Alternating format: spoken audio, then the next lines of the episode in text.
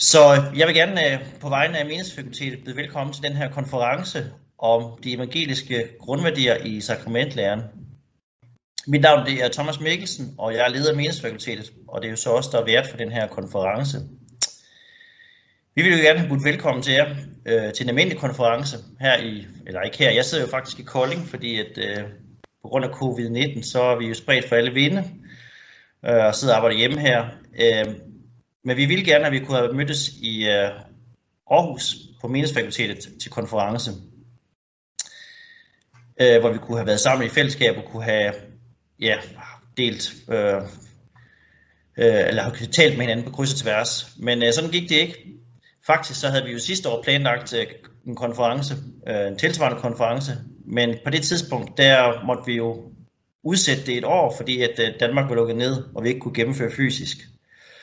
På det tidspunkt, der havde vi ingen fantasi til at forestille os, at øh, det på det her tidspunkt fortsat ville være umuligt at gennemføre en konference fysisk. Nu er vi så blevet klogere, og vi kan glæde os over, at mange har valgt at deltage online. Øh, jeg ved, at øh, der er cirka eller knap 100 tilmeldte, og nogle er på nu, og nogle vil sikkert melde, uh, koble sig på i løbet af formiddagen. Men vi skulle blive op omkring 100 i løbet af i dag. Vi har givet konferencen overskriften De evangeliske grundværdier i sakramentlæren, og konferencen kommer jo så i forlængelse af den proces, liturgiproces, som blev skudt i gang i 2016, da biskoppen de nedsatte tre fagudvalg. Der var et fagudvalg, der skulle undersøge forholdet mellem autorisation og frihed i folkekirkens liturgi. Hvad skal være frit, og hvad skal være fast? Det var biskop Elof Vestergaard, der var formand for udvalget. Et andet fagudvalg, fagudvalg skulle diskutere måden, vi fejrer gudstjeneste på.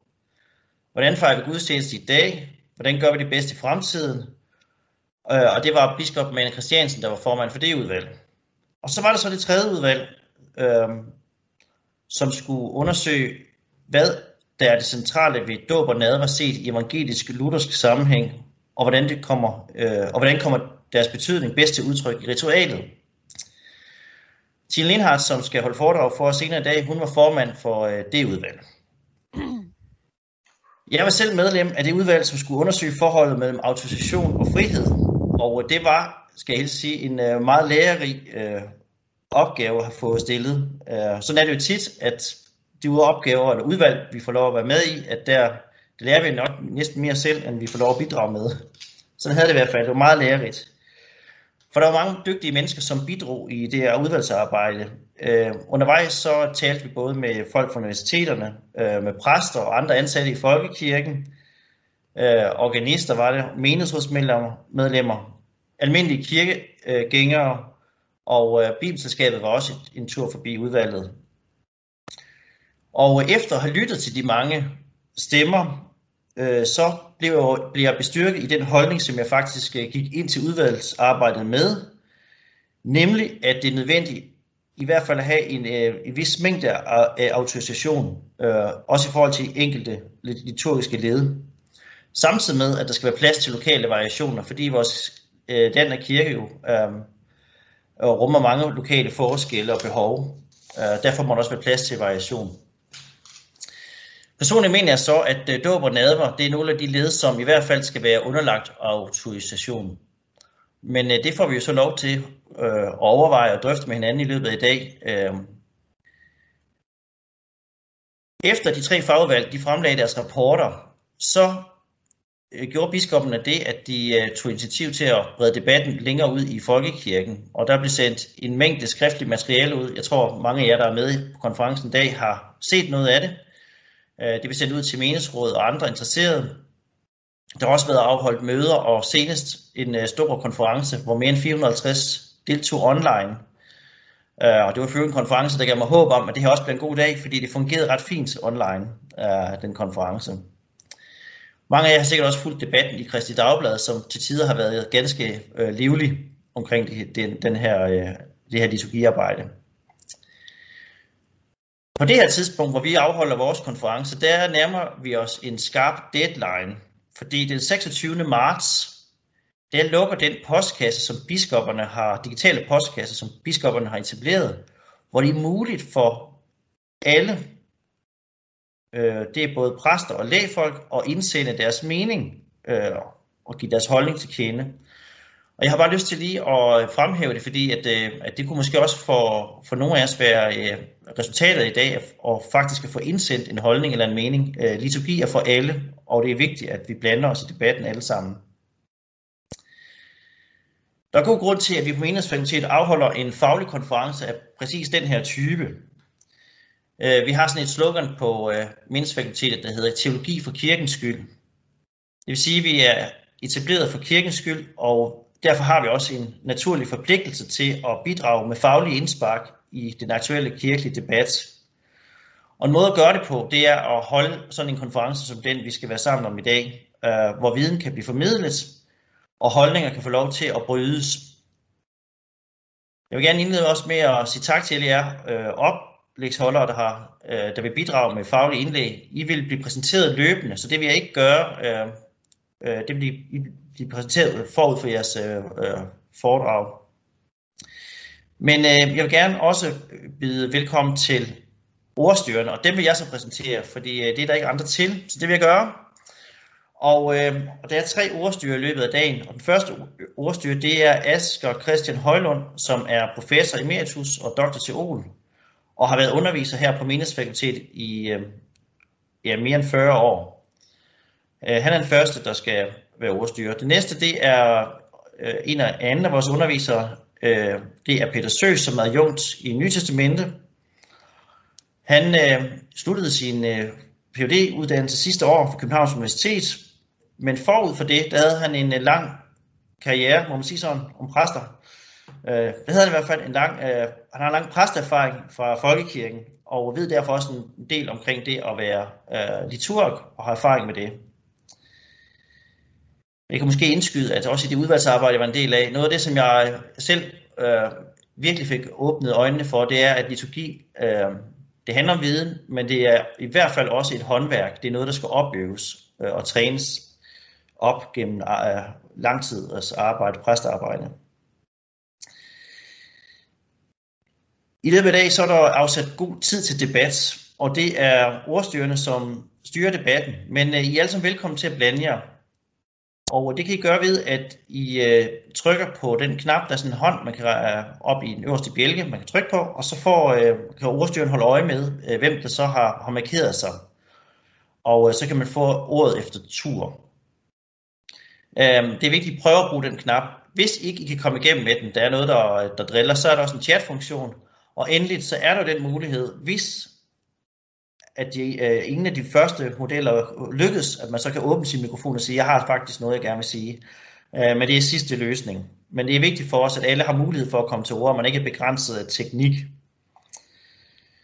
Så på praktiske ting. Øh, det er faktisk vigtigt, at I slår lyden fra under hele arrangementet, medmindre I skal sige noget.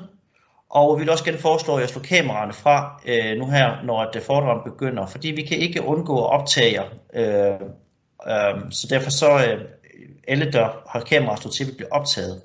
Så vi kunne godt tænke os, at I slår kameraerne fra. Ja, så er tiden ind til, at jeg skal præsentere den første oplægsholder, og øh, det er Kurt Etrup Larsen, som er professor i kirkehistorie og doktor teol, og han er ansat her ved Menighedsfakultetet. Kurt han er en, øh, tør jeg godt sige, meget produktiv forsker, øh, og måske kender I, I ham også som en flittig skribent ved Christi Dagblad. Og så har Kurt også en, øh, en længere øh, erfaring fra en ansættelse i Folkekirken som præst, som sovnepræst. Øh, Kurt var medlem af det udvalg, som øh, fagudvalg, som har øh, fokuseret på dåb og nadver. Og øh, nu vil jeg give ham ordet, øh, hvor han så vil give os, han skal så give os en introduktion til problematikken øh, under overskriften Kampen for evangeliet i den lutherske sakramentslærer. Så velkommen til dig, Kurs.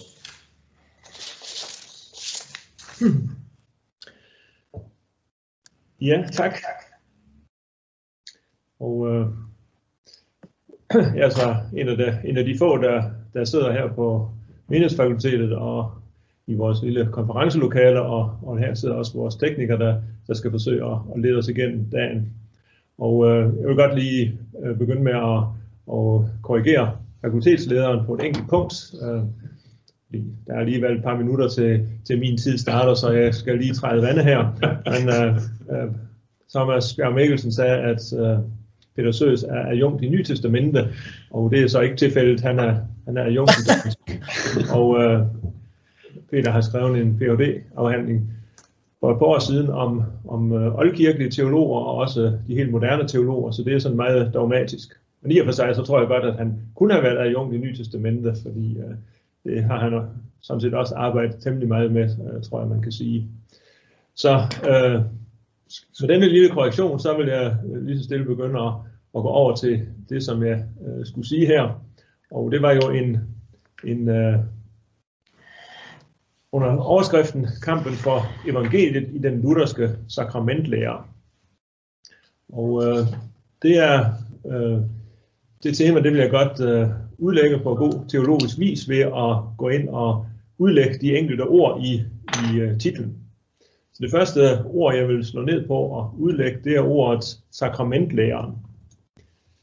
Altså det hele handler om sakramenterne, med sakramenterne, der forstår vi de to hellige handlinger, som Jesus selv har indstiftet, og som bringer nåden til os gennem et ord, som er, er forbundet med et ydre tegn.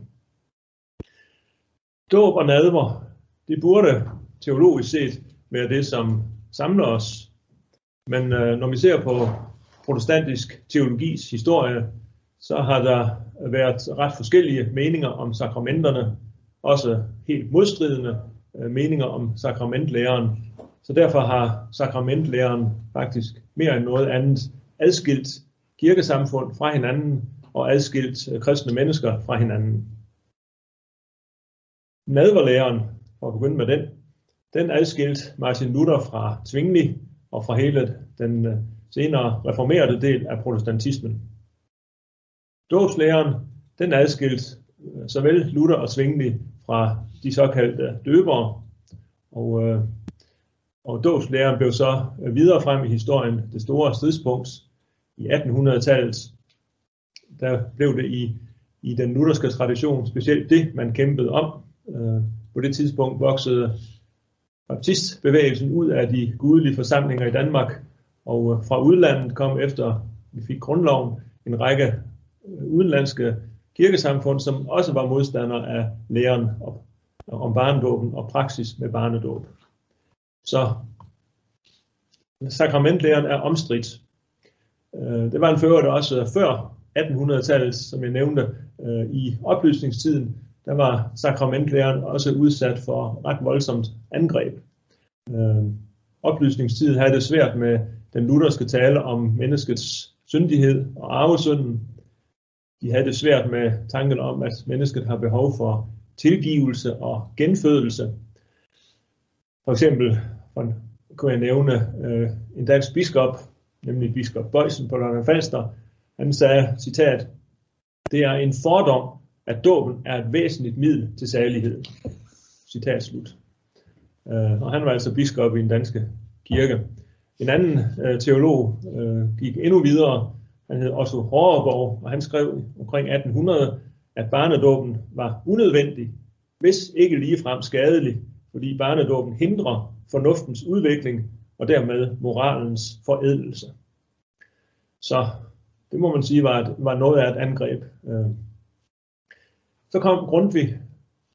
Grundtvig øh, forsvarede dåben og nadveren imod oplysningstidens tanker han forsvarer dåben og nadveren som det sted, hvor Jesus kommer til os, hvor han selv taler sit levende ord til den enkelte.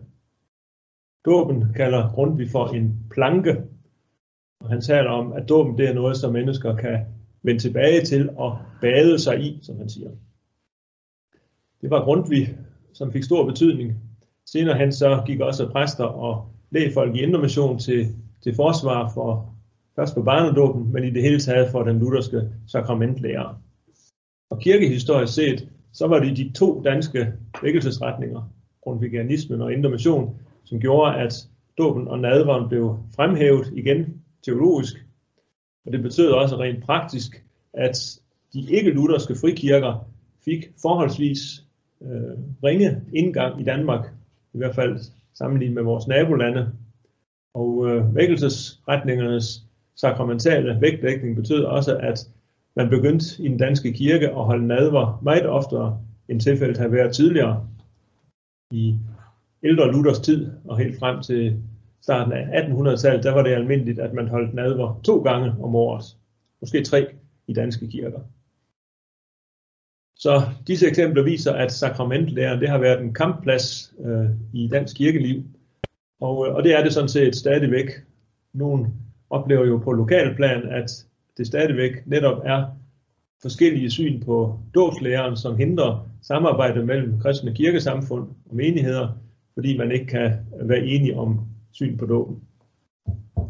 Og selv i, i dansk kirkeret har sakramentlæren fået en plads, fordi øh, der står i Folkekirkens medlemslov, citat, medlemskabet ophører, så fremt et medlem slutter sig til et andet trosamfund, eller på anden måde, for eksempel ved at lade sig gendøbe, stiller sig uden for folkekirken. Citat slut. Det vil sige, man kan altså de facto melde sig selv ud af folkekirken ved en bestemt handling, øh, hvilken altså dåben, gendåben. Gør man det, så har man meldt sig ud. Det viser lidt om sakramentslærens betydning. Nå, det næste ord, som jeg vil understrege i, i øh, overskriften til min lille indledning her, det er kamp for det lutherske. For det er jo øh, især for os lutherske, at der er en kamp for sakramentlæren. I hvert fald findes der andre kristne traditioner, som tænker, at den slags skal man ikke strides om. I den frikirke, som hedder det danske missionsforbund, der findes der ritualer både for barnedåb og barnevelsignelse, og hvis nogen ønsker at blive døbt igen som voksne, så er der også et ritual for det. Så de vil virkelig undgå kamp om sakramentlæren. Men sådan er det ikke for os lutherske. Det står i den Augsburgske bekendelse, som Folkekirken bygger på, i artikel 7, at til kirkens sande enhed er det tilstrækkeligt at stemme overens om evangeliets lære og sakramenternes forvaltning. Det er altså tilstrækkeligt, men det at stemme overens skal man så også være enige om, for at der kan være tale om en enhed i kirken. Og øh, det bliver så gjort mere tydeligt i bekendelsens artikel 9, hvor der står om dåben. Om dåben lærer de, altså de lutherske menigheder, at den er nødvendig til frelse, og at Guds nåde tilbydes gennem dåben, og at børn skal døbes, for at de ved at frembæres ved dåben for Gud, kan blive taget til noget af Gud. De fordømmer gendøberne, som misbilliger barnedåben og påstår, at børn frelses uden dåb. Det er skarpe ord, og næsten lige så skarpe ord bruges der om dem, som har et andet nadversyn. Artikel 10. Om nadveren lærer de lutherske menigheder, at Kristi lægeme og blod i sandhed er til stede og uddeles i nadveren til nadvergæsterne, og de misbilliger dem, som lærer anderledes. Så den augsburgske bekendelse har ligesom en indbygget vilje til at kæmpe for noget, og også en vilje til at kæmpe mod øh, noget andet. Og disse barske ord om at misbillige og fordømme, ja, det hænger sammen med, at det er en meget alvorlig sag at fratage mennesker den hjælp, som ligger i budskabet om, at Guds nåde kommer til os i dåben, og at Kristus kommer til os i nadvånden. Men øh, den teologi er ingen selvfølge i dag. For eksempel var teologen Lars Sandfeldt fra Folkekirkens Uddannelsescenter for et par år siden ude med en stærk kritik af den lutherske lære om dåben. Jeg citerer fra Kristelig Dagblad 9. januar 2019, hvor Lars Sandbæk skriver, at det for ham ikke var sproget i, nadver, øh, undskyld, i dåbsritualet, som var problemet. Men dåbsritualet rummer for ham at se en teologi, som stort set ingen mennesker i dag vil være i stand til at tro på eller finde meningsfuld, sådan at dåben renser for den slemme medfødte ondskab. Og ritualets ord om indpodningen i Kristus kaldte Sandbæk for en besønderlig forestilling, og han afviste tanken om spædbørns tro. Om nadveren og nadverforståelsen har der ikke øh, været helt så meget offentlig debat, men i Himmellev Sogn ved Roskilde, der mente man, at folk i sognet ikke gik til nadver, fordi det med syndstilgivelse faldt mange for brystet, Så deltog de ikke, fordi de ikke ville gå offentlig bodsgang. Så i Himmellev Sogn, der har man udarbejdet et nyt nadverritual, hvor det med syndsforladelsen er nedtonet. Så det er en helt anden øh, tankegang, og spørgsmålet er, er dåb og nadver noget, som vi kan støtte os til i liv og død, eller er det gamle meningsløse ord? Det er det, der står på spil her. Egentlig så er det selve evangeliet, der står på spil, hvis man forandrer læren om sakramenterne. Da jeg i 70'erne studerede teologi, der var der ingen bog, som påvirkede mig så meget som den øh, en bog af den norske professor Leif Ålen, Ord og Sakrament. I den artikelsamling, der var der en artikel, som netop hedder Kampen om evangeliet i nadverlæren. Og det leder mig så over til det sidste ord i, i øh, overskriften Kampen om evangeliet. For en Luthers teologi, der er teologiske debatter og forslag til nye ritualer med et andet indhold. Det er ikke bare sådan en, en harmløs beskæftigelse for teologer, som nu godt kan lide den slags. Det er ikke bare at tale om en sproglig fornyelse eller modernisering. Et andet indhold, det er noget, der får betydning for menighederne. Det er noget, som kommer til at, at påvirke den opvoksende slægt. Og øh, det handler om intet mindre end evangeliet. Bag Luthers kamp mod Zwingli om nadveren, ja, der, der lå netop en kamp for selve evangeliet. Zwingli, han så nadveren som en, en bortrejst ægtemands ring til sin kone, så hun havde et minde, så hun ved at se på den kunne minde sig selv om sin mand, som var fraværende. Og sådan tænker Svingli om nadveren. Menigheden skal mentalt gøre den gerning, at man ved hjælp af brødet og vinene skal minde sig selv om Jesus Kristus, som nu er fraværende. Luther lærte derimod, at Kristus virkelig var til stede i nadverens brød og vin. Så nadveren er ikke noget billede, et symbol eller en skik. For Luther der var Kristus nær i brødet og vinen, i ord, der lyder. Og det kan troen så tage imod, stole på, klynge sig til. Og det er godt for det anfægtede menneske, at man ikke skal gøre sig en stor mental anstrengelse, men tværtimod få lov til at knæle ned og lytte til ordet, tage det til hjertet og blive trøstet derved. Det er nok ikke alle mennesker, der kan svinge sig op til Gud i store følelser, men i nadveren så kommer han til os. Usikre og anfægtede mennesker kan søge fred i nadveren, hvor vi møder evangeliet klart udtrykt i ordene, dette er mit lægeme. Det her det er sådan Luthers forstået evangeliet i nadveren.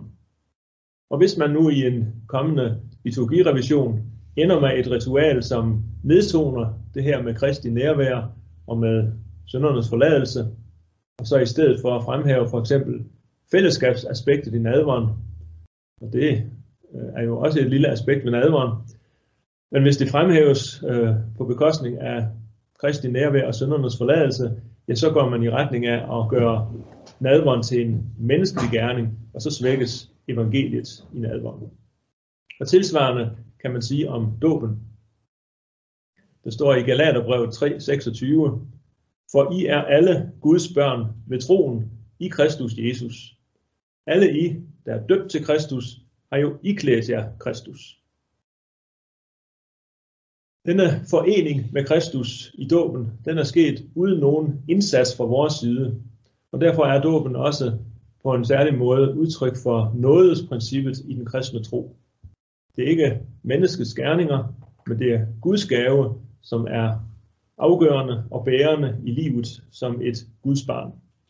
Dåben er i sig selv et evangelium, et udtryk for den uforskyldte nåde fra Gud, og det er det så, uanset om man er blevet døbt som barn, eller man først er blevet det som voksen.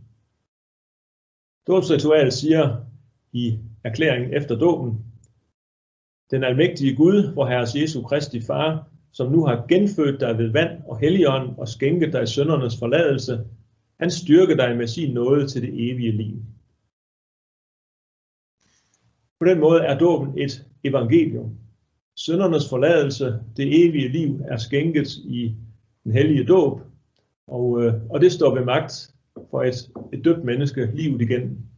Det er noget, man kan vende tilbage til, det er et evangelium, eller som Grundtvig sagde det, det er noget, man kan bade i livet igennem. Det er den, den lutherske øh, forståelse.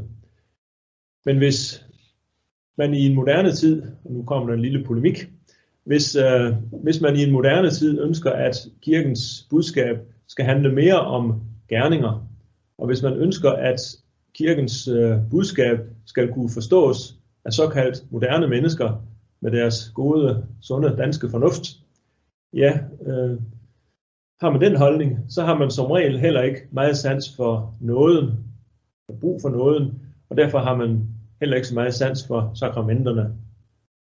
Men hvem kan med sin fornuft forstå de under, som sker i de to sakramenter? Det er jo selvfølgelig en pointe, at det er, det er ikke muligt for fornuften at gøre det. Men for en Luthers betragtning, så handler det netop heller ikke om fornuften, fordi så viser de to sakramenter netop hen til noget, som er højere og dybere, til noget, som vi ikke kan forstå, noget, som går langt over vores forstand, men som rummer evangeliet i sig. Og det kan vi tage imod, ikke med vores fornuft, men i troens glade modtagelse.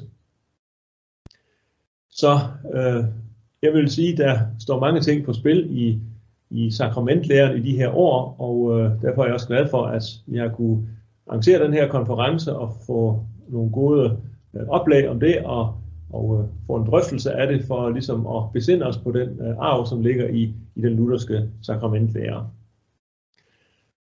Så meget til, til min øh, indledning her.